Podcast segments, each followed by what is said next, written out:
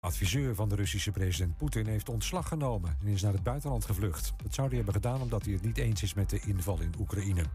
De adviseur was een van de grote hervormers toen de Sovjet-Unie uiteenviel en gaf Poetin zijn eerste baan in het Kremlin.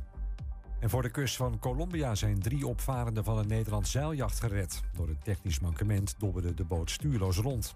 De twee Nederlanders en een Oostenrijkse toerist maken het goed. Ze waren zeilend op weg van Colombia naar de Dominicaanse Republiek. En dan het weer van Weer.nl.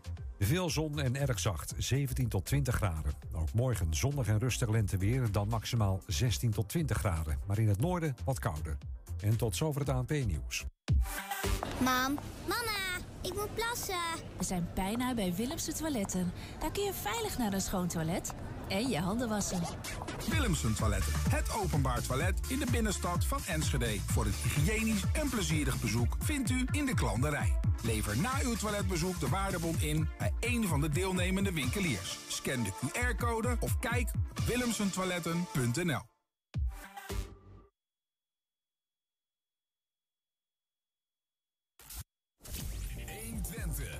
Weet wat er speelt in Twente. Met nieuws van 4 uur. Goedemiddag, ik ben Peter van Oudheusden. Nederland neemt voorlopig geen Oekraïense vluchtelingen uit andere landen over. Dat zegt staatssecretaris Van der Burg. Er zijn partijen die willen dat Nederland andere landen helpt, zoals Polen, waar al 2 miljoen vluchtelingen zitten. Maar volgens Van der Burg moeten we eerst kijken wat we zelf aan kunnen. De NAVO stuurt versterking naar Hongarije, Slowakije, Roemenië. Ja, we gaan beginnen. Als uh, de microfoon. Uh, hè, kan de microfoon aan, hè? Dat was uh, Thierry Baudet na, het de, kan, het kan. na zijn overwinning bij de Provinciale Staten. We gaan beginnen. De 17-jarige Ryan uit Enschede die heeft wel hele spannende zomerplannen. Hij vertrekt in juli naar Amerika voor een ruimtevaartprogramma bij de NASA. In de winkels mocht hij al af, maar sinds vandaag is ook in het openbaar vervoer het mondkapje niet meer verplicht. Kan de Enschede daaraan wennen? Ook in Twente bieden steeds meer mensen hun eigen huis aan uh, als onderdak voor Oekraïnse vluchtelingen. Stichting Nu Twente die bereidt die gastgezinnen daarop voor. En de Hengeloze bestseller-auteur Frank Kraker ontrafelt in zijn nieuwste boek de, nieuw, de grootste bankroof alle tijden. En dat uh, in uh, Almelo. En we hebben live muziek. Bij ons is Vee Reinaert.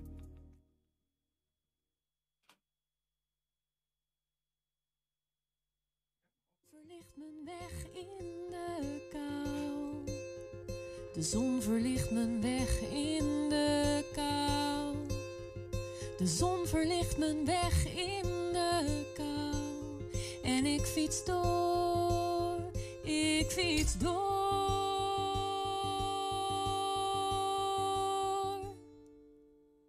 Het is woensdag 23 maart. Dit is 120 vandaag. Ja, het is een soort album dat we kennen van de voetbalplaatjes, maar dan zonder de voetbalplaatjes. En met het verhaal van Enschede. De historische sociëteit Enschede-Lonneke die lanceert vandaag zo'n spaaralbum. En dat veronderstelt de betrokkenheid van een supermarkt. En dat klopt ook. De historische sociëteit die doet namelijk een 1-2'tje met de plaatselijke Jumbo. Aangeschoven Dick Buursing, voorzitter van die uh, historische sociëteit. Dick, welkom. Dank u. En uh, jeugdsentiment, was dat de reden om dit uh, te starten? Nee, dat u weer nee, kunt sparen? Nee, weet je, het is iets wat op meerdere plekken al ook in Twente uh, gemaakt is. En reizen, weet ik, Hengelo, Haaksbergen, Orglaan, zelfs. En wij werden daarmee geconfronteerd. Iemand zei tegen ons, waarom doen jullie dat niet? En wat zou ook voor Enschede fijn zijn als je een, een, uh, een album hebt... waar je kort samengevat de geschiedenis van de stad zichtbaar kan maken. Want heel veel Enschede's weten eigenlijk niet goed... weten eigenlijk niet goed hoe hun eigen geschiedenis is. En die is heel bijzonder hoe die gelopen is. Dus wij zeiden tegen de mannen van Jumbo, allemaal mannen, zou het uh, niet interessant zijn om voor Enschede zo'n album te maken? Nou, er werd over gedimdamd. Ze waren, bestonden vorig jaar zoveel jaar, dus hadden ze geen geld. Hadden andere promotieactiviteiten. Maar in november zeiden ja, nou zijn we eraan toe. Dus wij kregen uh, in begin december in een bijeenkomst met de Jumbo-managers de vraag of wij in staat waren om voor eind februari de geschiedenis van Enschede te beschrijven en dan ongeveer 300 foto's die samenhingen met die geschiedenis te aan te leveren. Ah, dat waren gezellige maanden dan daarna. Nou ja, eh, wij zijn niet voor een kleintje vervaard. En ik ja. dacht, ja, maar dat is natuurlijk wel een prachtige kans. Dus ik ben zelf gaan schrijven. We hebben 30 hoofdstukken uh, gemaakt. Dus Enschede van 1850 tot 2010 in 30 hoofdstukken. Met ook een paar thema-hoofdstukken. FC Twente, Grols. En maar verder eigenlijk, nou ja, alles wat met de geschiedenis van deze stad te maken heeft. En Zoals ik al zei, heel interessante stad. Ja. Interessante hoofdstukken, geschreven. Heel toegankelijk voor iedereen. Hè. 30 korte hoofdstukken, ongeveer 300 woorden. Met daarbij passend bij, bij dat, dat, dat tijdsbeeld van, van dat stuk eh, tekst. Foto's die erbij horen. En die foto's kan je dus inderdaad sparen bij de Jumbo. Als je voor een tientje boodschappen doet, mag je het boek gratis ophalen. Het is Ja, echt zeer de moeite waard, dus ik raad iedereen aan. Dus jij hebt het boek geschreven, wij moeten de plaatjes erbij sparen. Ja, ik heb het boek geschreven, maar uiteraard is er een redactiecommissie. Hè, die hebben meegelezen en eh, aanwijzingen en eh, veranderingen. Afijn, dat is, de redactie Ja. heeft dus uiteindelijk de zaak goedgekeurd. We waren eind februari klaar. We leven nu eind maart. Het boek is in een oplage van 16.000 exemplaren bij de Jumbo te verkrijgen. Bij alle Jumbo-vestigingen in Enschede verkrijgbaar. Mhm. Betekent 1 op de 10 Enschede'ers, als die zo'n boek haalt... en dat is natuurlijk onze doelstelling, hè, de bewustwording rond die geschiedenis. 1 op de 10 haalt het boek, omdat je die plaatjes ook zelf in moet plakken... moet je ook het hele boek wel door. Hè, en, eh, ik hoor Maar dan dat wordt het vechten bij de kassa. nou ja, dat is natuurlijk altijd een interessante zaak. Je hebt eh 13 weken de tijd om, het hele, om alle 288 plaatjes bij elkaar te sparen. Je krijgt er bij elk tientje boodschappen krijg je er vier. Dus normaal gesproken zou je dat wel ongeveer moeten kunnen redden. Ja. Maar er is altijd een uitwijkmogelijkheid. 28 mei aanstaande is er de grote Jumbo plaatjesalbum ruildag. Ah, De hele dag bij alle vestigingen van de Jumbo in Enschede kan je de ontbrekende plaatjes proberen te maar krijg je het boek pas eh, als je alle plaatjes hebt dan? Nee, je kan, je kan het boek ophalen. Ja, ja. Vanaf dus, vandaag is Ja, het boek moet je als we wie er weer gaan nu zorgen dat je het boek krijgt. Eerst even dit gesprek afluisteren en liefst nog de hele uitzending. Maar zullen we even een kijkje nemen? Even een korte quick peek in het boek, eh, Dick. Eh, De voorkant, hè? Eh, Enschede, mijn stad. Nou. Met de textiel, hoe kan het anders? Ja. Ja, je zegt ook, hè, vanaf 1850 eh, ja, heeft die stad eigenlijk een geschiedenis. Ja, is wel iets eerder misschien al, maar Ja, hij heeft wel een oude geschiedenis, maar laat ik zeggen, tot 1850 was het een dorp in de periferie, in de, in de rand van Nederland. Slecht verbonden met de wereld, er liepen nauwelijks wegen naartoe, geen waterwegen, van alles niks. Mhm. En dan is het heel bijzonder, de stad had rond 1850 ongeveer 3.500 inwoners. En eh, dus nu, 160 jaar later, is het een stad met 160.000 inwoners. En dan is de interessante kwestie, hoe is het mogelijk dat op zo'n plek aan de rand van Nederland, met die slechte verbindingen, en een kleine bevolking, hoe is het mogelijk dat daar in, die, zeg maar, die eerste 50 jaar tot 1900 zo'n onwaarschijnlijke industriële ontwikkeling heeft plaatsgevonden? We waren, ik heb dat ook eh, in het boek nog wel weer geschreven, rond 1915 was ruim 20% van het bruto nationaal product van Nederland werd hier in Twente georganiseerd. En Stork natuurlijk, maar ook al die textielfabrieken. Het was, eh, we, zijn een stad van immigranten. ja. En dus je zag die bevolking in Enschede, die groeide tussen 19- 1900 en 1920 met ongeveer 1000 inwoners per jaar. Wat Ja. onwaarschijnlijk veel is. We zien hem hier ook. eh, het gaat eh, natuurlijk, moet in het boek ook gaan over die textielindustrie. Dit is een van de pagina's, hè, pagina Ja. 20 geloof ik in het boek al. Maar de topjaren van de textiel. Dan heb je het over, over 1910, 1920. Ja. Dat waren echt de topjaren. Enschede was rijk. En je kan dat nog, mensen die Enschede goed kennen, weten dat als je het stadhuis bijvoorbeeld. Ons stadhuis is in 19, rond 1930 begonnen met de bouw. In 1932 klaar. Dat stadhuis dat heeft allure. Dat is een stadhuis van een rijke stad. En Enschede was ook een rijke stad. En alleen ja, een laag opgeleide bevolking Ja. natuurlijk. En de Nou, maar net als al, al die villa's die we her en der Ja, door de ja, stad oh ja, nou eh, ja, we, zien. hebben ook een we hebben ook plaatjes van, Ja, van de mooiste, de mooiste gebouwen van Enschede. En dat zijn natuurlijk voor een groot deel zijn dat de, de, de fabrikantenvilla's. Hè. De Witte Villa aan de Oldenzalenstraat, Zonnebeek, hè, daarbij eh, bij, achter de Rutbeek, eh, het Hoge Boekel. Ik ben daar vorige week nog weer geweest. Ook een Van Heek. Ja, een prachtige gebouwen. Maar Ja. ook ons VND bijvoorbeeld. Ons oude VND en bij eh, Plein de Graaf. Ja, ook een fantastisch mooi gebouw. Wat, wat, wat mezelf wel eens opvalt op het moment dat ik, eh, ik onlangs een keer, ik weet niet hoe ik erop kwam, maar ik stuitte op een presentatie met allemaal foto's van eh, oud Enschede. en dan ja. denk je ineens van, verrek ja, dat is eigenlijk best wel een mooi pand. En ik loop door de stad en ik zie dat pand en ik zie hem met nieuwe ogen. Ja, ja. Dan word je, je, maar dat is ook de inzet van ons. Hè, dat je veel meer bewust bent van de bijzondere geschiedenis, maar ook van de bijzondere gebouwen die erbij horen. Die Jannink aan de Haaksbergstraat. Het is natuurlijk een kathedraal van de textiel, zeg ik altijd. Mijn opa heeft er gewerkt. Die is er overigens in de 30 jaren eh, met een, met, eh, vanwege de staking uitgezet. Hè, dat had je toen. Directeur, als je staakte, dan werd je op de keien gezet.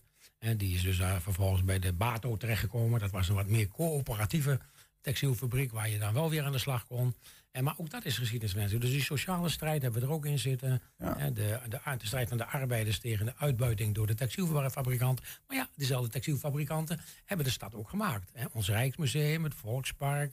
Er zijn heel veel sporen eh, van de rijkdom van die textielfabrikanten. dat was, dat was de, de, nou ja, de florerende kant van Enschede. Maar we kennen natuurlijk ook eh, vele rampen. Ehm, nou ja, de, de laatste staat in onze eigen geheugen gegrift. Ja, Ehm, maar in 1862 natuurlijk die grote stadsbrand. Ja. Daar zit ook een, een pagina Ja, van in. wij- nou ja, dat heb, ik, dat heb ik gedaan omdat wij denken dat die stadsbrand mede een boost gegeven heeft die groei van Enschede. Kijk, als alles platbrandt, die, die kleine fabriekjes die er toen waren, goed verzekerd overigens, dus je krijgt verzekeringspenningen, dan bouw je nieuwe fabrieken met de nieuwste soort machines, ehm, dan ben je opeens de, de modernste textielindustrie van Nederland. Ja. Eh, En dat heeft natuurlijk een enorme boost gegeven. Nou ja, dus, eh, de stad Ik zou bijna denken dat het een conspiracy was. Om Enschede op een hoger plan te Het was tillen. overigens al de tweede stadsbrand hoor. Er is ergens in de, in de 17e of 18e eeuw ook al een stadsbrand geweest. Maar Ja. goed, daarna hebben we natuurlijk de vuurwerkramp gehad. Dat is ook weer een boost aan de stad gegeven. Hè. Het lijkt wel alsof wij, alsof Enschede... ehm, Phoenix. maar op het moment dat er een ramp gebeurd is in zo'n stad... en dat dan de stad weer een enorme impuls krijgt om er toch weer iets moois van te maken. En ja, dat maakt ons natuurlijk ook trots op die stad. En er, er gebeuren bijzondere dingen. Ehm, dan is er nog een pagina met een, eh, eh, de superburgemeester. Ja. En als we nou even onze blikken op die pagina werpen, dan kan het niet anders dat het over Edo Bersma gaat. Ja. Ehm, wa- waarom is hij de superburgemeester? Ja, ja Ido Bertema is in 1893 burgemeester geworden. Was een jonge man. En die is burgemeester geworden in 1933. Hij is bijna 40 jaar burgemeester geweest. Zo. Dat komt eigenlijk nooit voor. Maar hij was niet alleen burgemeester van Enschede. Hij was voorzitter van de Vereniging van Nederlandse Gemeenten. Hij was Eerste Kamerlid. Hij was voorzitter van het Nederlands Rode Kruis. Hij was voorzitter van... Bij God, je wilt het allemaal niet weten. De man had overal zijn tentakels. Wat interessant voor de stad was natuurlijk dat hij vanwege de goede contacten...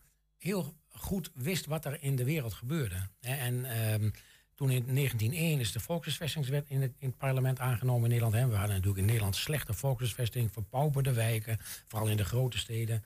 En Edo Bergsma die eh, zat in de Eerste Kamer en die kreeg dus mee, ja, die volkshuisvestingswet met alle mogelijkheden, ook in de sfeer van subsidies van de Rijksoverheid die dat bood. Enschede was een van de eerste steden die begon met woningcorporaties. We hebben natuurlijk Patmos als fantastisch mooi voorbeeld. Ja. Maar ja, met duizend inwoners groei per jaar, dan moet je ook als een gek woningen gaan bouwen.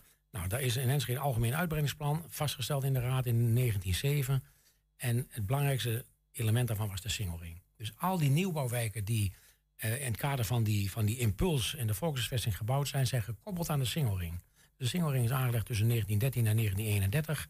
En dat is eh, 100 jaar geleden. Nou, dat heeft eigenlijk de stedenbouwkundige structuur van Enschede in hoge mate bepaald. Dus in die zin, Edo Bersma, enorm belangrijk. Ik, ik- ja, wij hadden, wij hadden al vroeger riolen, we hadden natuurlijk waterleiding, we hadden een afvalinzameldienst. Toen al met, Maar dat kwam met dus elektrische inzamelvoertuigen. Dat kwam omdat hij heel goed wist eh, wat er speelde. En Ja. dat hij in het westen van het land in de politiek zat en eh, eigenlijk oren, oren en ogen overal had. Ja, je ziet een foto van een single ergens. Ehm, eh, dus die is in zijn tijd aangelegd. Ja. En het leuke is dat die Enschede's dachten, nou, een belachelijk gedoe, jongen. We hadden hier nauwelijks auto's in de stad. Had je een tweebaans weg met een middenberm. En wat deden die Enschede's? Die gebruikten al die beide banen om heen en weer te fietsen. Hè.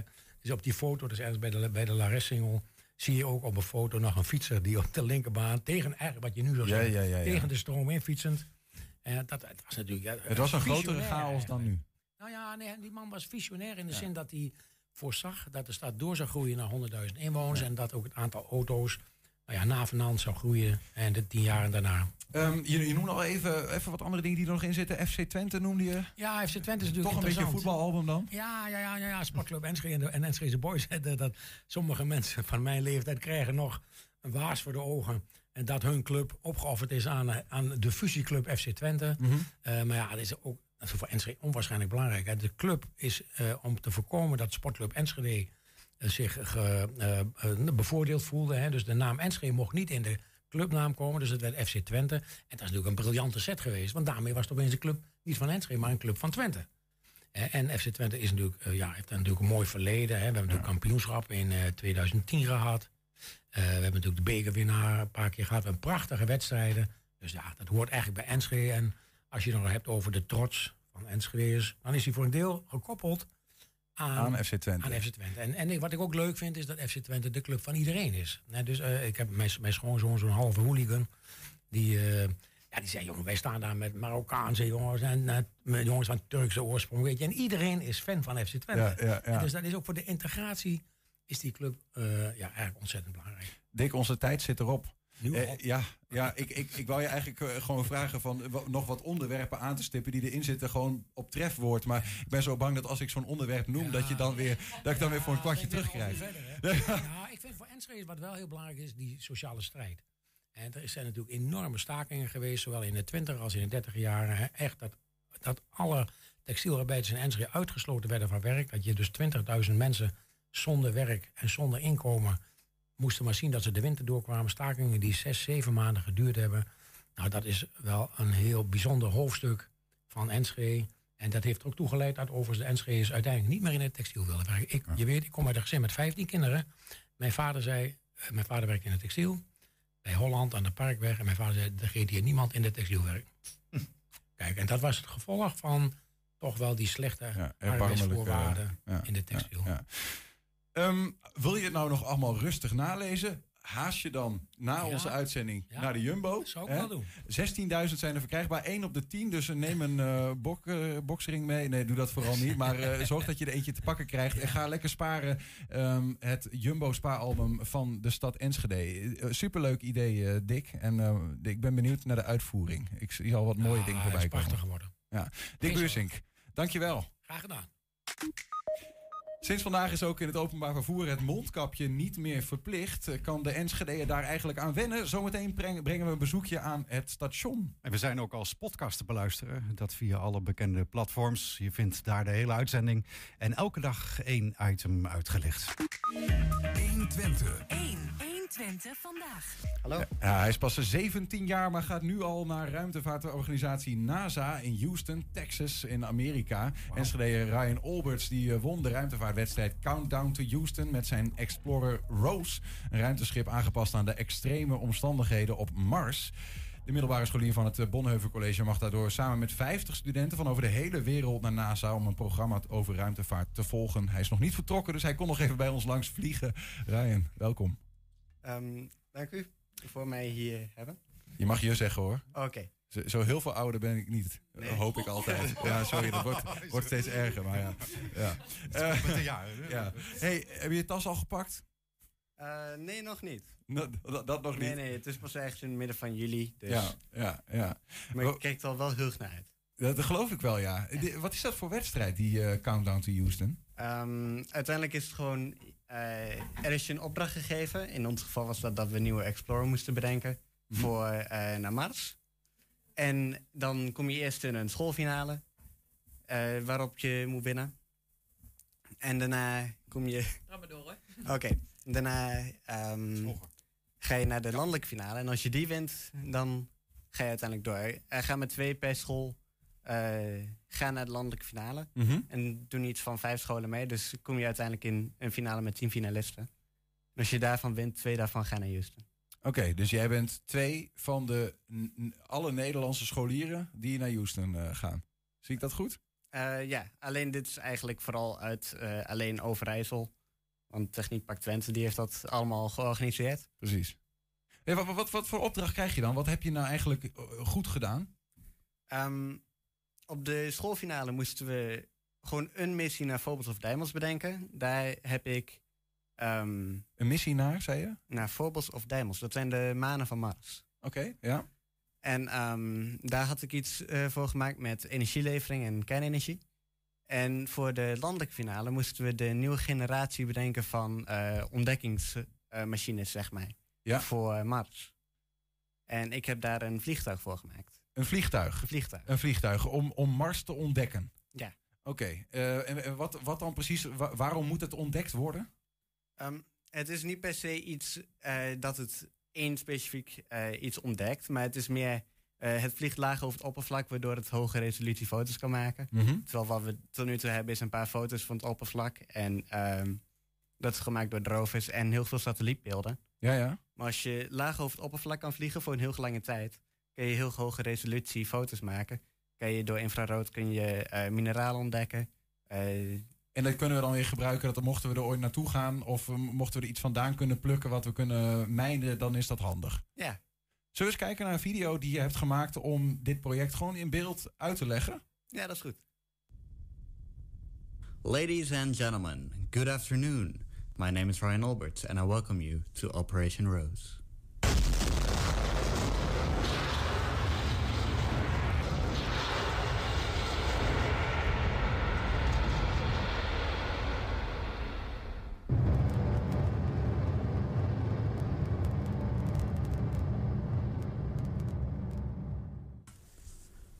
While we're watching the highlights of this launch, I'll explain a bit about what Operation ROSE is. ROSE, short for Regional Scale Observation Surface Explorer, is an aerial reconnaissance program designed to scout the vast surface of Mars. Here it looks for locations that may form potential landing zones for colonists or that are of great scientific value. When she spots a location, she saves the coordinates and sends the data via a relay satellite to Earth. Here the mission director will decide if the location is of valid importance. If it is, the relay satellite will send an RMS, Regional Scale Monitoring System, to the assigned coordinates. This small box will then land at the specific location and monitor the region's weather and seismic activity.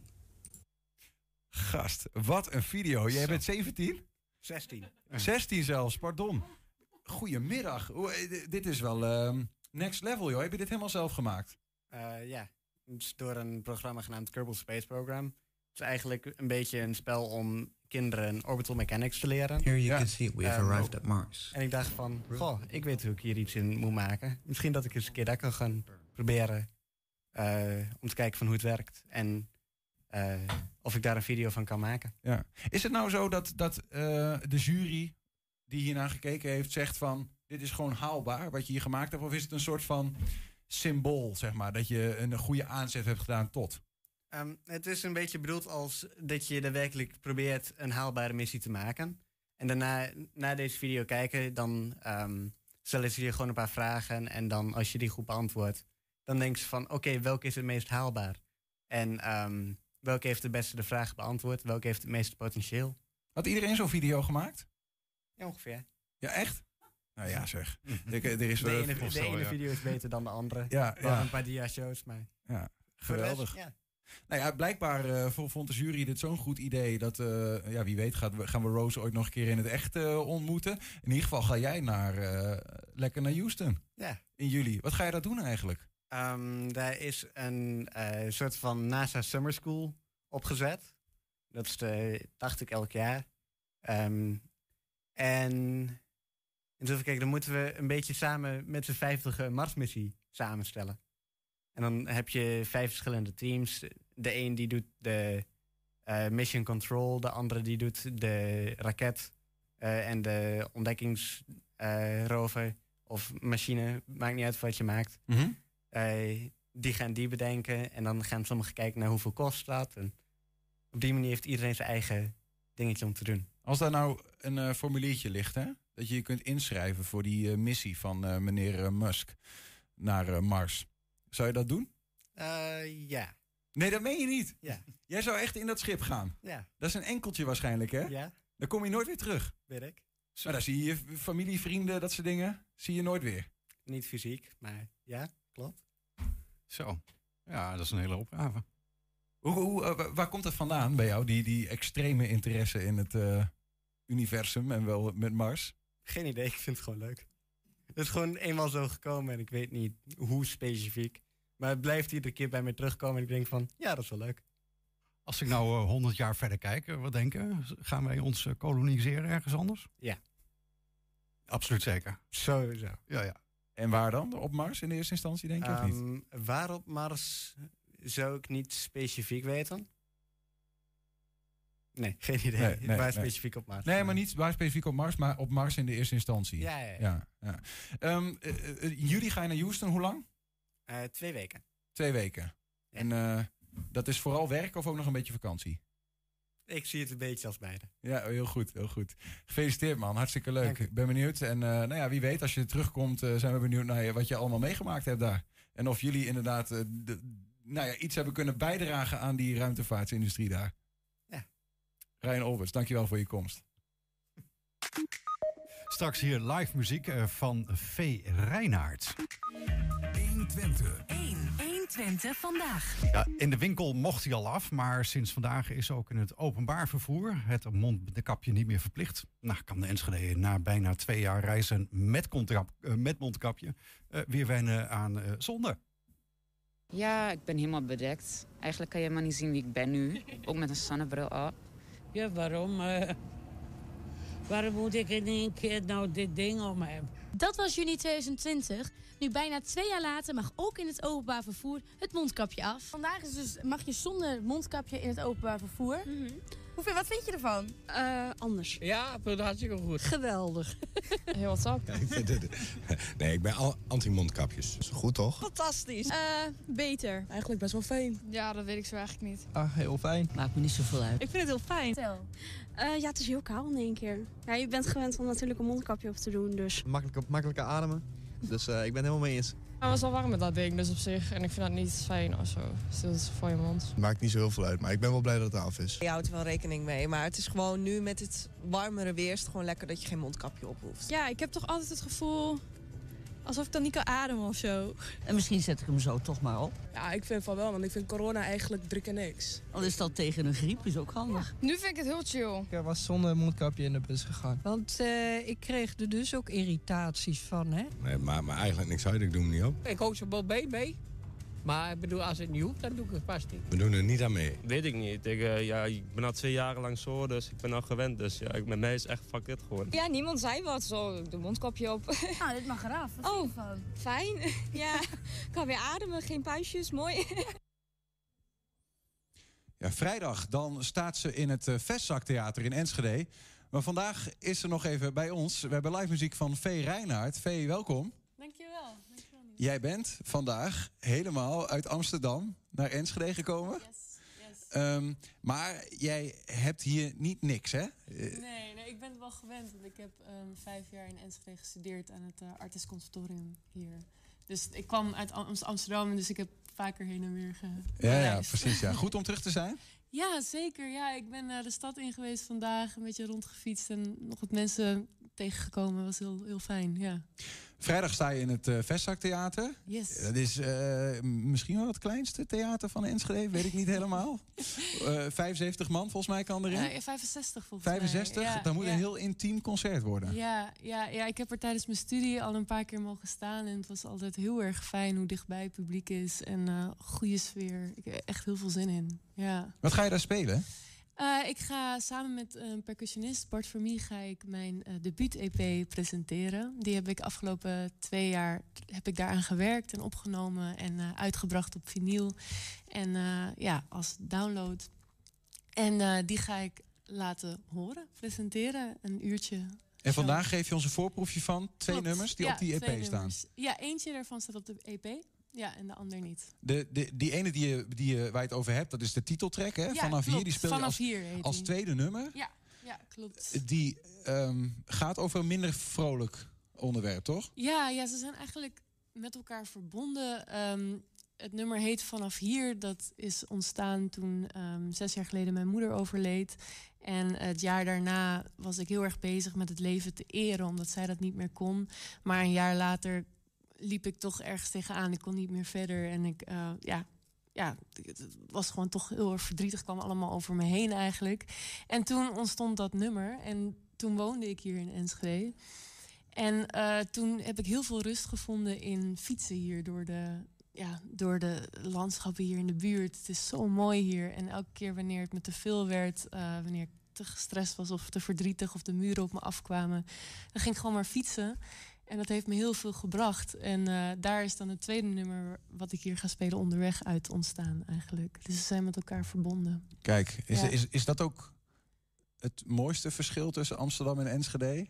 Of- Nou ja, ik, ik, ik, ik had het er net over. Ik, ik mis het wel een beetje, omdat je bent zo snel. Ik woonde toen in Zuid in Enschede en ik was zo snel eh, ja, het land in en zo die lange, lange fietspaden was geweldig. Ja, echt prachtig. Ja, Ja. ja. zeker.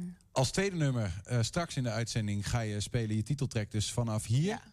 Ehm, maar eerst ga je nu spelen hè, dat nummer wat gaat over jouw fietstochten Ja, door klopt. het Enschedeze groene landschap. Klopt. En dat nummer heet eh, Onderweg. Daar gaan we als eerst naar luisteren. V. Reinaert.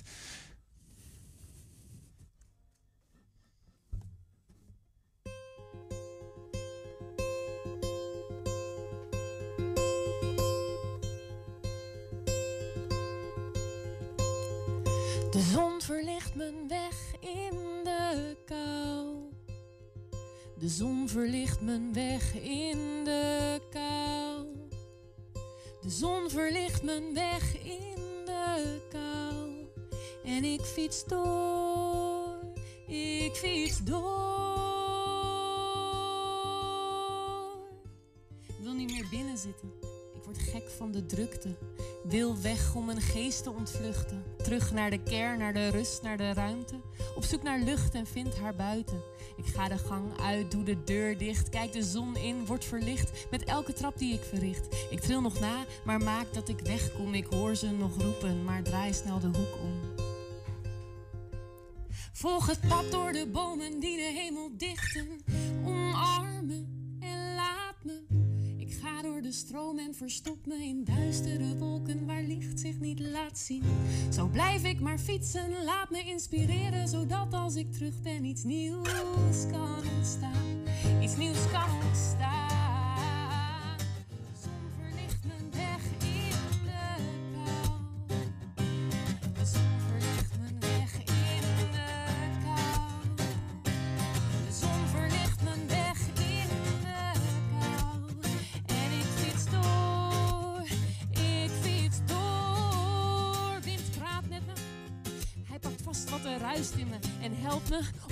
Hierbij stil te staan. Bij schoonheid en liefde wil me geborgen voelen terwijl ik tijd zijn gang laat gaan. Ik vraag me af wanneer ik klaar ben met zoeken. Er is niets wat ik daarmee bereik. Mijn hart komt dichterbij en vraagt om vertrouwen. Vertrouwen in die toekomst waar ieder een kans krijgt. Dromen komt nu weer aan de orde. Mijn hoofd staat vol, maar jij, je leegt het voor me. Dus blijf ik maar fietsen, zodat er iets nieuws kan ontstaan. Zon verlicht mijn weg in verlicht mijn weg in de kou.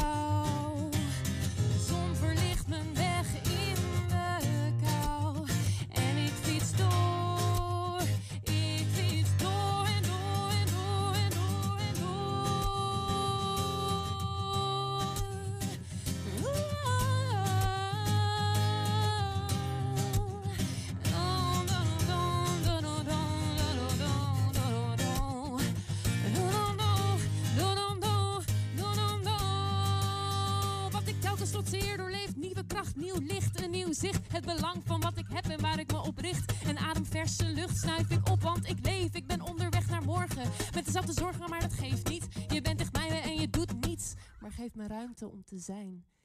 En ik geef me aan je over. Wauw. Jongen, jongen, jongen, jongen. Wat een bak talent komt er over ons heen hier. V. Reinhardt, eh, live hier bij 120 vandaag met Onderweg.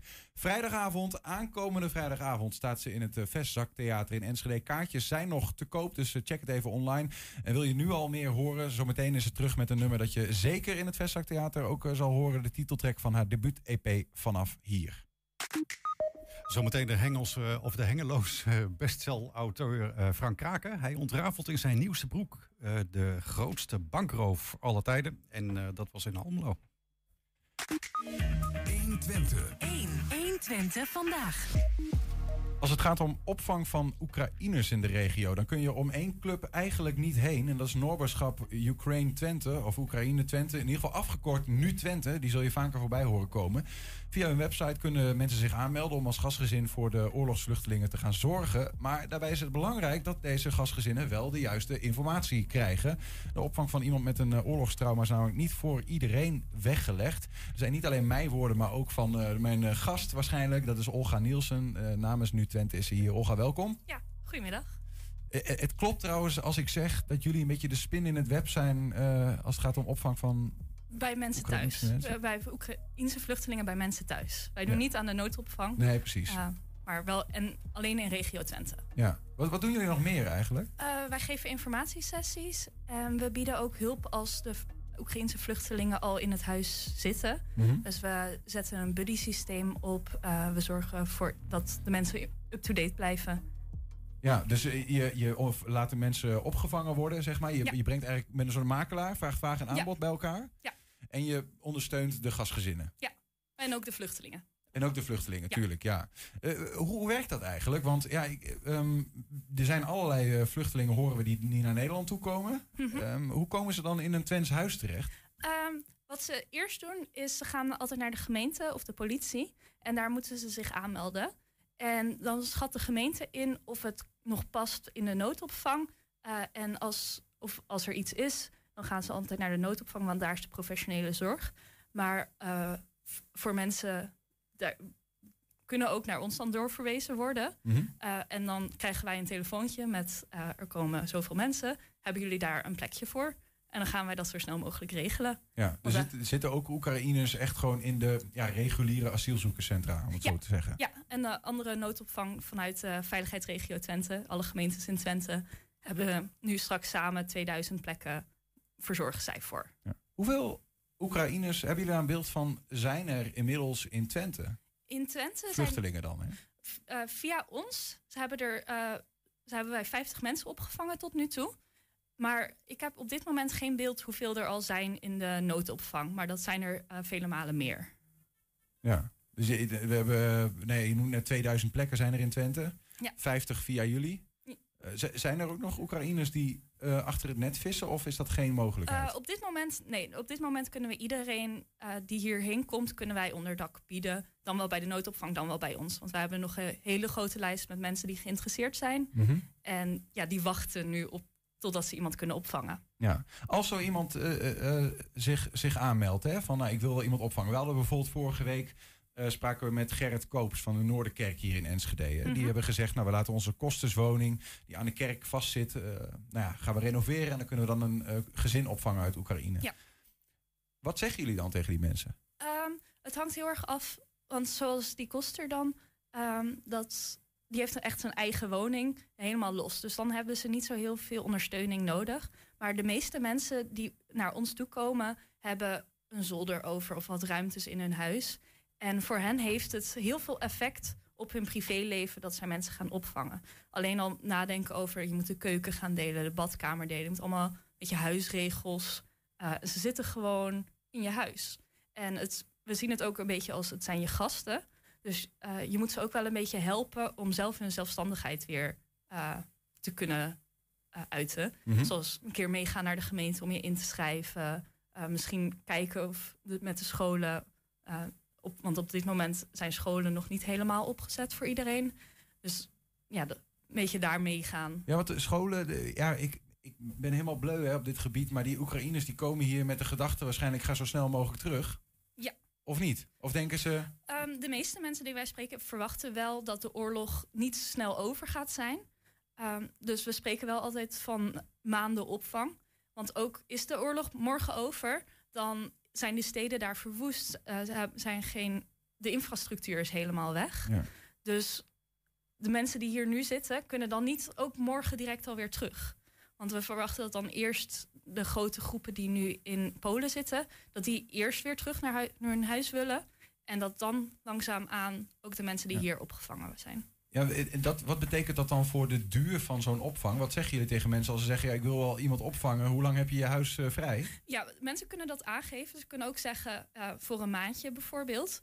Maar wij willen het liefst eh, minimaal drie maanden. Dat, eh, dat is voor ons eh, onze richtlijn. Ja. Die mensen die daar in die, in die Twentse huizen, of bijvoorbeeld in dat kosterswoningje bij de Noorderkerk eh, terechtkomen, Mhm. wat dragen die met zich mee? Hoe komen die hier de grens over? Met niks meestal. Met een, een koffer, met een paar wat kleren, met hun paspoort. En eh, dat is het. Eh, En die komen met de trein? Die de komen voet? of de- met de trein of met bussen. Ehm sommigen komen ook aan wel op het vliegveld. En die gaan dan vanaf daar met de trein. Niet het vliegveld Twente, maar gewoon Schiphol of eh, in Ja. Eindhoven. Maar we hebben ook mensen ehm, die mensen gaan ophalen. Andere organisaties of particulieren... die rijden gewoon met de auto of met een bus naar de grens. En die halen ze dan op. Maar dat eh, raden wij niet aan. Nee. Want dat kan ook met een beetje mensen smokkelen... en kan gewoon gevaarlijker zijn. Dus Dat, dan hebben we het even over het fysieke, zeg maar, wat ze mee, meenemen. Dat is niet veel. Ja. Maar het mentale, zeg maar, ja, aan de ene kant denk ik van ja, oorlogstrauma's. Aan de andere kant, die mensen zullen weggevlucht zijn bij hun gebied soms voordat de oorlog daar letterlijk uitbrak. Maar ja, Ja, nou, iedereen heeft natuurlijk zijn land achtergelaten, zijn, zijn huis en zijn groot deel van de familie. Dus dat is al de eerste schok die de meeste mensen hebben. En dus iedereen houdt ook het nieuws heel goed bij, dus daar eh, zijn ze ook al, eh, we zeggen niet getraumatiseerd, maar daar- ja, daar hebben ze wel heel veel last van, bij, bij iedereen. Mhm. Ehm, maar en de mensen die ook vertrokken zijn voordat hun stad echt gebombardeerd werd, die zijn wel vaak al weken op de vlucht geweest. En dat is ook al traumatiserend op zich. Wat betekent dat voor die mensen? Als in, wat, wat eh, zie, zie je dat? Merk je dat? Voel je dat aan Ehm, hen? ja, veel, eh, veel huilen vaak. Echt een soort eh, fases van rouw kunnen we soms zien. Gewoon ook voor het leven wat ze hebben achtergelaten.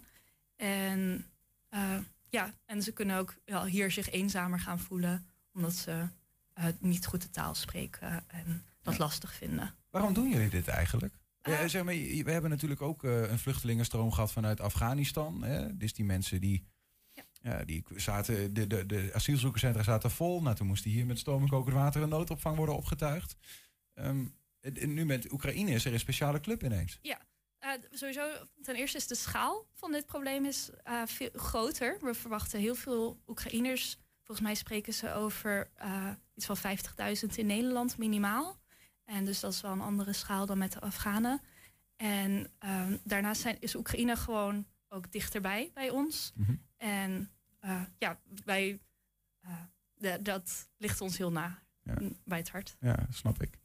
Ehm 2000 plekken in de reguliere opvang. 50 nu eh, van particulieren die zeggen ik kan wel iemand opvangen. Begreep Die, ik? die we al hebben opgevangen. Die we al hebben We opgevangen? hebben 200 mensen eh, die zeggen: Ik heb één of meerdere plekken beschikbaar. Oké, dus er zijn nog hon- 150 eh, plekken beschikbaar, om het zo te zeggen in de gemiddelde persoon zegt dat ze drie mensen kunnen opvangen. Ja. Dus wij hebben rond de 500 eh, potentiële plekken. Ja. Hebben wij nu in beeld. De, en, en eh, wat is de verwachting? Gaan die nog gevuld worden in de loop van de tijd? Eh, wij verwachten dat wel. Ehm, we zien al ook in de, meer in het westen van het land dat daar de noodopvang bij al aan de max zit. En dan kan het zijn dat ze dan eh, ze een beetje doorsturen richting meer de, ook richting Twente. Mhm. En dat hier dan ook de noodopvang vol gaat zitten. Ja. Want hoe langer de oorlog duurt, hoe meer mensen hier ook gaan komen. Je noemde al even, hè, ehm, als je iemand in huis neemt, dan, dan heb je een informatiesessie en dan eh, word je bijgepraat. En dat gaat er onder meer over van, ja, let op, je hebt echt iemand eh, in, in huis. Mhm. Eh, maar laat hem ook een zelfstandig leven leiden. Ja. Ehm, eh, is is zo'n informatiesessie ja, is dan niet genoeg? Want je zou, we houden mensen, ja, we, we nemen mensen aan de arm, zeg maar. We hou- houden ze erbij, zeg maar. Je blijft ze voeden met... Ja, ehm, want de situatie verandert per dag. De overheid heeft bijvoorbeeld afgelopen vrijdag aangekondigd dat eh, alle Oekraïners leefgeld krijgen. En, maar hoe dat allemaal geregeld wordt, eh, horen wij snel. En dan willen wij dat verdelen over alle geïnteresseerden bijvoorbeeld. Ja. Wat zijn vragen waarmee eh, gastgezinnen naar jullie toe komen? Ehm, een combinatie van heel praktisch met ehm, ja, hoe regel ik dat eh, met kinderen die ik naar school moet brengen of ik woon in het buitengebied. Eh, hoe werkt dat? Er is geen schakelklas bij mij in de buurt. Maar ook eh, als ik op vakantie ga, kunnen mensen dan bij mij thuis blijven. Ehm, en ja, hoe, hoe passen ze zich aan? Hoe passen wij ons aan?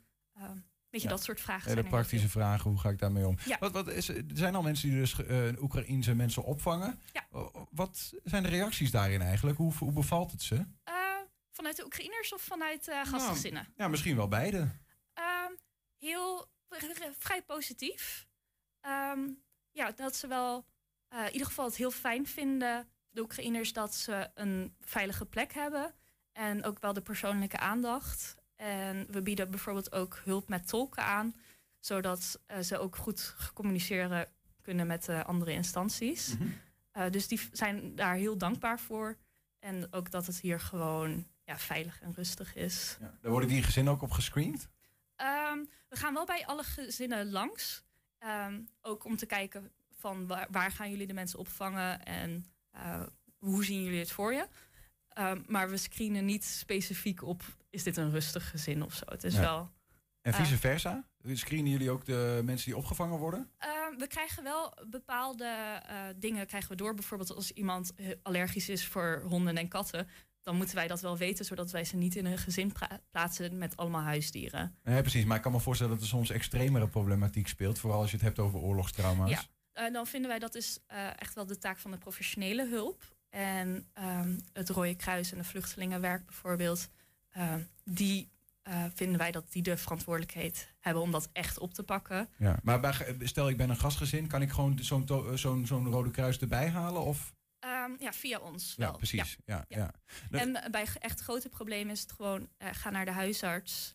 Eh, als er echt paniekaanvallen hebben of iets, ja, ga naar de huisarts en die kunnen doorverwijzen. Ik heb nog één vraag. Die gezinnen die nu al Oekraïners opvangen, wat, wat vinden zij ervan?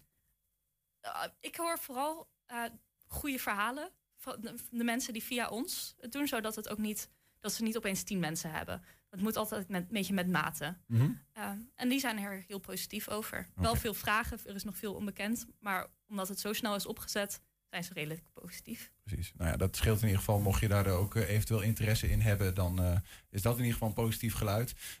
kunnen mensen jullie vinden op, de internet, op het internet? Ja. We hebben een website www.nutwente.nl en wij zijn ook actief op Facebook en Instagram, ook onder Nu Twente. Kijk, dankjewel. Olga Nielsen. Top, dankjewel. Zometeen speelt V. Reinhardt, je hoorde haar toen straks al, de titeltrack van haar debuut-EP voor ons. Uh, en die heet Vanaf Hier. 120. 1, 120 vandaag. Elf Twentse verzetstrijders pleegden in de Tweede Wereldoorlog de grootste bankoverval ooit. In 1944 roofden ze bij de Nederlandse bank ruim 46 miljoen gulden van de nazi's. Wie waren die mannen eigenlijk en wat gebeurde er met die buit? De hengeloze bestseller-auteur Frank Kraken die ontrafelt de geschiedenis in zijn nieuwste boek, getiteld De grootste bankoverval aller tijden. Frank, welkom. Dankjewel. Je hebt hem bij je, hè? Ik heb hem meegenomen, ja. Hef hem eens omhoog en dan kunnen we het zien. De grootste bankoverval aller tijden. In Almelo.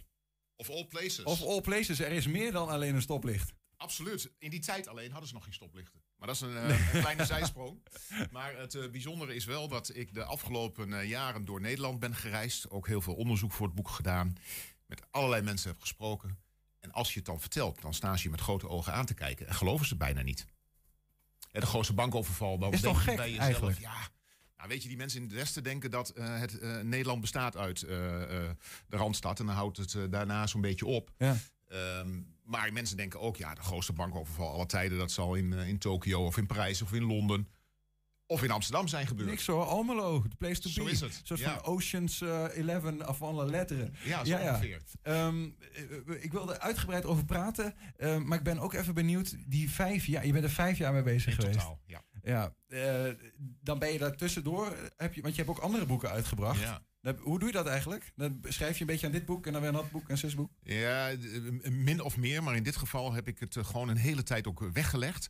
Twee redenen. Ten eerste, um, het onderzoek vergt gewoon heel veel tijd. Soms zet je lijntjes uit en je krijgt niet meteen antwoord. Dat, duurt even. Maar daarnaast, um, ik had de laatste getuige geschreven. En Wim Alosserij, de hoofdpersoon daarvan, die overleed twee weken nadat het boek uitkwam.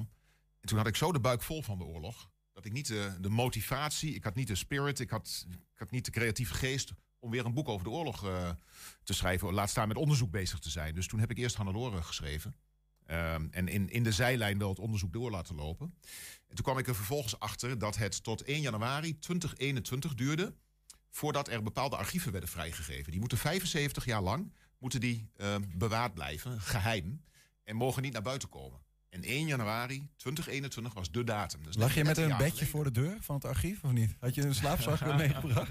Nou, het werd mij niet makkelijk gemaakt, maar dat is ook dan meteen een uitdaging. Want uh, door corona lag alles stil en dicht en kon je nergens naartoe. Dus het was uh, ook nog eens een keer een hele uitdaging om dat voor elkaar te krijgen. Daarnaast, um, de um, Nederlandse bank, waar ik trouwens alle medewerking van heb gehad, uh, die is aan het verbouwen. Dus het gebouw is gesloten, het archief is gewoon hartstikke dicht, daar kom je niet in. Nou, en toen heb ik, uh, heb ik mij maar gewend tot de hoogste uh, organen daar en duidelijk gemaakt wat het belang van dit boek was. Uh, en toen ook alle medewerking gekregen. En toen kon ik uitzoeken welke archieven ik nodig had. En die hebben ze voor mij klaargelegd. Die hebben ze uit de bunker, bunker gehaald. En uiteindelijk bleek daar, ja, er was hele waardevolle informatie die ter completering van het boek diende. Vol scoops, vol. Dat lag daar naast de goudstaven. Die lag. of niet?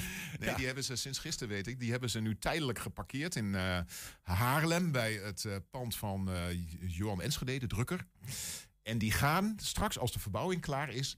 Naar de luchtmachtbasis Soesterberg. Nou, doe maar. En Dan daar weet je zitten dat de- ook als je Ja, een daar nieuwe zitten- bank bedoel, over. Je je krijgt het allemaal maar gratis mee. En daar zitten de elite troepen, de commando's. En daar is het dus in het best bewaard. Oké, oké, oké. Hey, als we het hebben over de grootste bankroof aller tijden, hè? is dat dan ook echt. ehm, ja, waar hebben we het dan over? Over de bankroof van, van eh, over de wereld ook helemaal? Nou, het is wel mooi dat je het op deze manier vraagt. Want jij zegt bankroof. En daar zit hem het geheim. Het is namelijk de grootste bankoverval. Wat is het verschil in mijn ogen? Het is dus een definitiekwestie. Als jij op vrijdagavond de bank dicht doet en je gaat naar huis... en er is een stel slimmerts die gaan een tunnel graven... die roven eh, in het weekend de bank leeg... en op maandagochtend kom je terug, je doet de deur open en er is niks meer... dan is dat een bankroof. En geen overval met een pistool aan de balie, aan de counter... eh, je geld of je leven. Dus dat zijn twee verschillende begrippen. Het is heel erg een definitie voor een kwestie. Ja. Even terug naar 1944. 46,1 miljoen toen is 300 miljoen euro nu.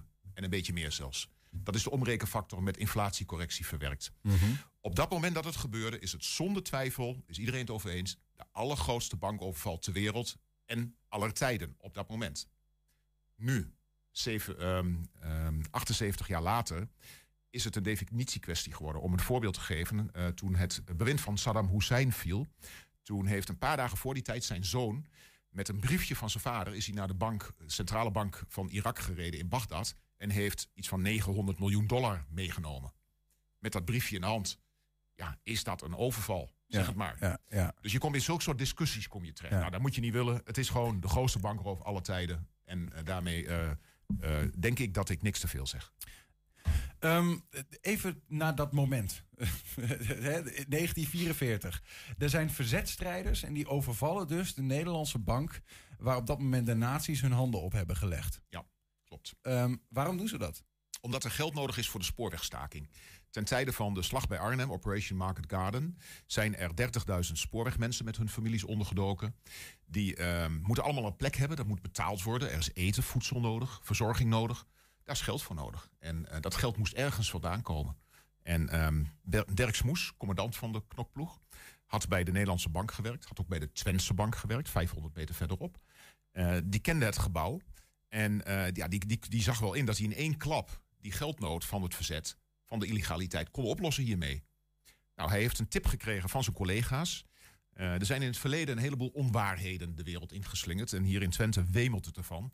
Ehm, een van die eh, onwaarheden is dat de tip van meneer Trip zou komen, de voormalig president van de Nederlandse Bank. Dat is niet zo, blijkt uit mijn boek en uit mijn onderzoek. Ehm, de tip van, kwam van het personeel, heel simpel. Maar die die dat- zeiden tegen die verzetstrijders... je moet eh, hier de boel eh, even... Ja, want bijvoorbeeld Jan Meens uit Rijssen werkte daar. En dat was 13 jaar lang het maatje eh, van Dirk Smoes. Op 15-jarige leeftijd zijn ze beide tegelijkertijd begonnen bij de Twentse Bank. Een paar honderd meter verderop. En, en samen zijn ze overgegaan naar de Nederlandse Bank. En hij kwam daar regelmatig thuis, ook toen hij was ondergedoken. Ja. En eh, hetzelfde gold voor veel van die andere ehm, bankmedewerkers die eh, bij de Nederlandse Bank werkten. Dat, die kenden elkaar allemaal. Mhm. Dus, maar door te zeggen dat, het, dat het de tip van Trip afkomstig was, legden ze de verdenking buiten de bank. Dus dat was uit zelfbescherming. Precies. Nou, nou begonnen we dit gesprek gekscherend met de, de, de stoplichten in Almelo. Die waren er toen nog niet. Maar was er eigenlijk wel pinpas? Want eh, ja, hoe, hoe roof je 46 eh, miljoen? Ja, nou, je gaat achter internet zitten, je drukt op een paar knoppen en eh, je haalt de bank leeg. Eh, nee, zo, zo ging dat niet in 44. Ehm, dat ging met een revolver, met oude pistolen. Dat ging met een, ehm, een vrachtwagen op houtgas die eh gecharterd was, waarvan de chauffeur Willem Meens, de broer van Jan Meens, eh, vanuit Reizen eh, komende dacht dat hij een vracht aardappelen moest ophalen. Eh, die stond geparkeerd. Nou, zij zijn binnengedrongen, wisten dat er zoveel geld lag. Wisten ook, want dat is een van de grootste scoops uit mijn boek. Oorspronkelijk wilden ze twee banken overvallen. Ze wisten dat er in totaal in Almelo, all places, 211 miljoen gulden lag. 1,2 miljard euro cash. In twee banken hier in het oosten van het land. Nou, ehm, die tweede bank, dat hebben ze maar achterwege gelaten, want dan werd ze te gevaarlijk. Dus ze zijn die, eh, die Nederlandse bank binnengegaan. Hebben het personeel en de directeur, dat was een NSB'er, voorop met een pistool gedwongen eh, om die kisten te vullen. Nou, het personeel heeft heel enthousiast meegewerkt, want die speelden min of meer onder één hoedje. Die hebben die kisten gevuld, 13 kisten. Die hebben ze klaargezet in de gang. Toen is de vrachtwagen eh, gestart, die is voorgereden met de achterzijde van de vrachtwagen tegen de vestibule aan, zodat ze de kisten konden inladen. En halverwege het inladen hoorden ze in de verte laarzen aankomen marcheren. Een Duits peloton van soldaten kwam vanaf het station richting het centrum en ging voorbij die bank. Ze kwamen steeds dichterbij. En Herman Huften, die had de alertheid om met een knijpkat op straat te gaan staan. Het was hartstikke stil en ze hoorden Zo'n ving, zo'n dingetje. Ja, ze Ja, steeds dichterbij komen. En hij ging schijnen op de neus van die auto. Iedere keer knijpend in die, in die ja, oude zaklantaarn dus. En eh, hij zei, achtung, voorzicht. En hij leidde zo dat hele peloton rondom die vrachtwagen door richting het centrum van Almelo. Dus If de Duitsers only- waren zo dichtbij. Oh, Onder hun oh, neus, oh. maar ze hebben het niet gezien. Man, en oké, eh, Frank, dan, dan is er eh, op een of andere manier hebben ze 46 miljoen in die vrachtwagentjes gekregen. Goudstaven, biljetten, hoe krijg ik aan Allemaal biljetten van 25 van 100. Het waren, eh, ik heb ze meegenomen. Het Oh. waren, ehm, niet allemaal natuurlijk, 400.000 van deze biljetten. Van 100 gulden. En het waren 246.000 biljetten. Is dit authentiek 25. trouwens, of is dit Dit is authentiek. Ge, ehm, getekend, eh, dus met de handtekening van Rost van Tongeren, de eh, NSB-president. Dit zijn kopieën die ik heb mogen maken met toestemming van de Nederlandse bank. Hiermee kon je gewoon betalen. Als Destijds we, was eh, gewoon, eh, 80 dit, jaar dit, geleden dit was dus geld. En, en hier hadden ze 13 kisten van. En die hebben ze verstopt in een hooiberg. Wauw. En dan, ja, dan, die mannen rijden weg met die vrachtwagen. Die hebben de Ja. buit binnen. Dan die Duitsers die moeten hebben gedacht... potverdikke me, nou hebben we Almelo notabene uitgekozen... en om daar eh, lekker al ons geld eh, te stallen. Ja. En dan komen ze het hier weghalen. Ja, het was voor de Duitsers een blamage van heb ik jou daar. Want je moet je voorstellen, Almelo was de garnizoenstad van Nederland voor de Duitsers. Ehm, vanuit het zuiden waren de geallieerden opgerukt. Die stonden bij de Waal. Slag bij Arnhem was net mislukt. Vanuit het westen waren de Duitsers als de dood dat er een tweede invasie kwam. Vandaar de Atlantikwol tussen ehm, Den Haag en eh, Amsterdam. En ehm, ja, het, oosten was veilig en hoe dichter bij de grens, hoe beter. Dus uiteindelijk, omdat er in Almelo een agentschap van de Nederlandse bank zat, niet elders in Twente. Almelo had het, eh, was de belangrijkste stad op dat moment voor de Nederlandse bank vanuit de historie gezien. eh, hebben de, de Duitsers ehm, eigenlijk eh, Ros van Tongingen onder druk gezet van het moet naar een veilige plek. En Ros van Tongingen heeft persoonlijk de keuze gemaakt voor Almelo. En dat is een van de nieuwe feiten die blijkt uit het onderzoek. Ros van Tongingen had een persoonlijk belang. Want zijn tante woonde schuin tegenover de bank. En dat kantoor heeft hij geconfiskeerd. Daar hebben ze een Ausweichstelle van gemaakt. En daarmee had hij een basis heel dicht bij het geld. En met 5 september, dolle dinsdag in het achterhoofd... als hij wilde vluchten naar die heimat... dan was hij dicht bij de grens op deze manier. Had hij het geld onder handbereik. Hij had een, eh, een, een villa van zijn tante om naar uit te wijken... en dicht bij dat geld te blijven zitten. Dus het was voor hem de ideale manier. Ja, en ik ja. heb stukken in het archief van de Nederlandse Bank gevonden... waarin adviseurs hem aanraden dat niet te doen. De bank in Almelo is ongeschikt ervoor. Niet te bewaken, onvoldoende eh, beveiliging. Maar hij heeft het toch gedaan. Ja, En dan is het prachtig om te zien, als dan die overval is geslaagd... hoe hij zich in alle bochten loopt te wringen... en de hele zaak omdraait... en vervolgens zijn eigen medewerkers eh, ervan gaat beschuldigen... dat ze hem verkeerd hebben voorgelicht... en dat, ja, dat het een waarloze bank is eh, om zoveel geld te bewaren. Mooi, eh, Frank. Ja, de- je, je, onderzoek heeft nog veel meer interessante dingen opgeleverd. Ik begreep ook dat er een, een, een briefje van eh, Winston Churchill... eh, Yes. eh, zelfs de grote Winston Churchill in, in, in het boek is opgenomen. Die heb je gevonden. Want er was toestemming vanuit Engeland. Ja, het, men heeft sowieso toestemming aangevraagd. Dat was ook wel handig om te doen. Want ehm, anders ben je een ordinaire bankrover. Dus men heeft aan Londen aan de Nederlandse regering toestemming gevraagd. En toen eenmaal de overval was geslaagd, dus drie dagen later, en dat briefje heb ik ook teruggevonden. ehm, op 18 november is er een bericht naar Winston Churchill gegaan. Eh, en dat heb ik dus in de archieven in, eh, in Kew in Engeland eh, teruggevonden. Dat de overval om de Almelo branch of the Netherlands Bank has succeeded. 46 million guilders were obtained. Kijk, namens eh, de geallieerden bedankt, zeg maar. eh. Ja, zo ongeveer. Ja. Ehm, tot slot, Frank. De, die, die, die mannen die deze overval hebben gepleegd... ehm, daar is waarschijnlijk een jacht op eh, geopend daarna. Ja, daar gaat ook een groot deel van het boek over. Die, is het derde deel, zeg maar. Het is verdeeld in drie delen. En de jacht op die mannen, dat was een... ehm, ja, ze hebben alles uit de kast gehaald. Hè. Er is zelfs een beloning van een miljoen is er uitgeloofd. Heel, gelukkig niet uitgereikt. Maar dat gaf wel het belang aan om het geld terug te krijgen. Dat is uiteindelijk ook gelukt. Ehm, helaas, en dat is het nare van dit verhaal... zijn er ook zeven mannen overleden. Terug, niet teruggekeerd vanuit eh, de kampen in, eh, in, eh, in Duitsland. En ehm, ja, wat dat betreft is het heel dubbel. En de buit? De buit, ja, dan moeten de mensen eigenlijk zelf maar lezen. Hè. Dat is de, de Dan meest, laten we die open. De meest gestelde vraag van, ja, wat is er met dat geld gebeurd? Ligt dat misschien nog ergens op een zolder of in een hooiberg? Het zou zomaar kunnen. Ik zou zeggen, lees het boek. ja, precies, ja. nou, dan, eh, de schatkaart eh, zit daarin. Eh Frank Kraken, dankjewel. En eh, ontzettend benieuwd of dit nou gewoon naast al je andere boeken gewoon weer eh bestseller gaat worden. Maar met dit verhaal kan het bijna niet anders, denk Ga- ik. we gaan het meemaken. Ja, leuk, dank je. Dat je Graag gedaan. Heb je nog een tip voor de redactie? Mail dan eventjes een, eh, een bericht naar info.120.nl 120. 1. 120 vandaag. Ja, vrijdag speelt ze nummers uit haar debuut-EP vanaf hier. En vandaag speelt ze een aantal nummers bij ons. Net hoorde je al onderweg. En nu hoor je de titeltrack van haar debuut-EP. Hier is eh, opnieuw V. Reinhardt met Vanaf hier.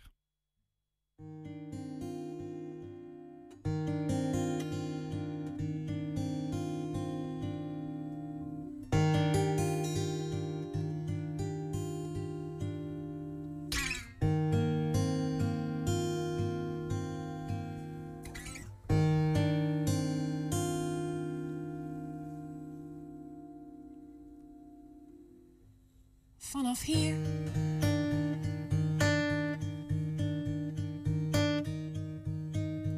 Speelt de stilte met me. Kom ik los van steen en aarde. Zullen stappen mij niet dragen. Vanaf hier. Vanaf hier.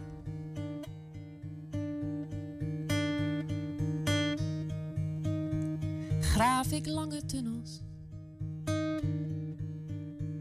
Die beschermen en bewaren. Laat me los, ik hou me staande. Vanaf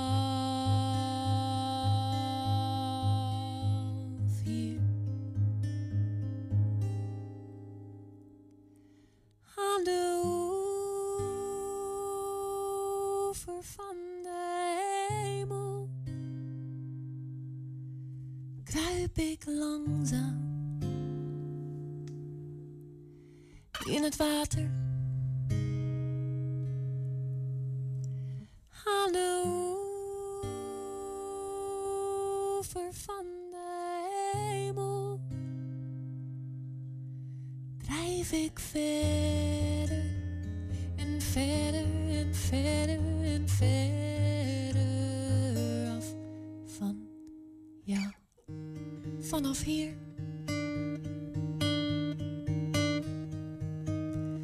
speelt de chaos met me.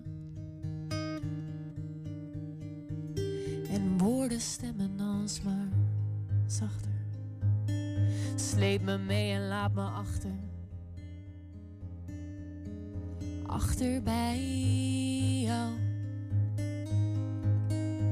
Vanaf hier zal ik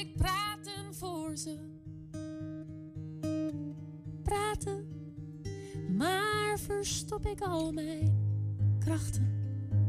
Drijf ik soepel en blijf wachten. Wachten nog.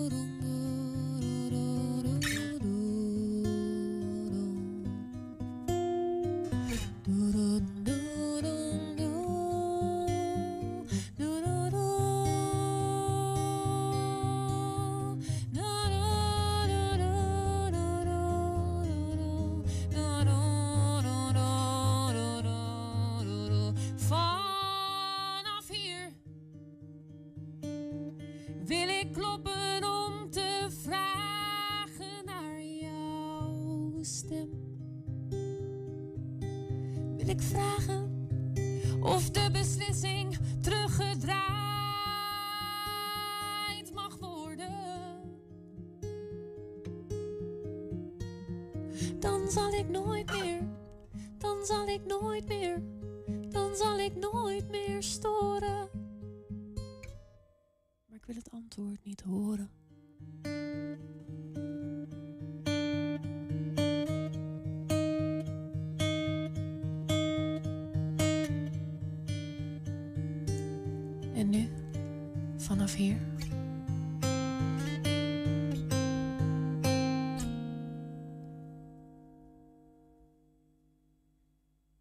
schreef het nummer eh, naar aanleiding van het overlijden van haar moeder zes jaar geleden. Merkte dat ze de jaren daarna ja, heel erg op haar aan het wachten was. Lukte niet goed om dat gevoel eigenlijk in woorden uit te leggen. En daarom heeft ze het maar met eh, muziek gedaan. En, eh, en hoe? Prachtig. Vanaf hier was dit V. Reinaard live bij ons. Vrijdagavond in het uh, Vestzak Theater. Kaartjes zijn nog te verkrijgen. Ga het even bekijken. Dankjewel. Tot zover 120 vandaag. Terugkijken kan direct via 120.nl en vanavond om 8 uur en 10 uur dat via het televisiekanaal. Zometeen hier Henk Ketting met een dampende kettingreactie. Veel plezier, bedankt voor het luisteren. 120. Weet wat er speelt in Twente. Nu het nieuws van 5 uur.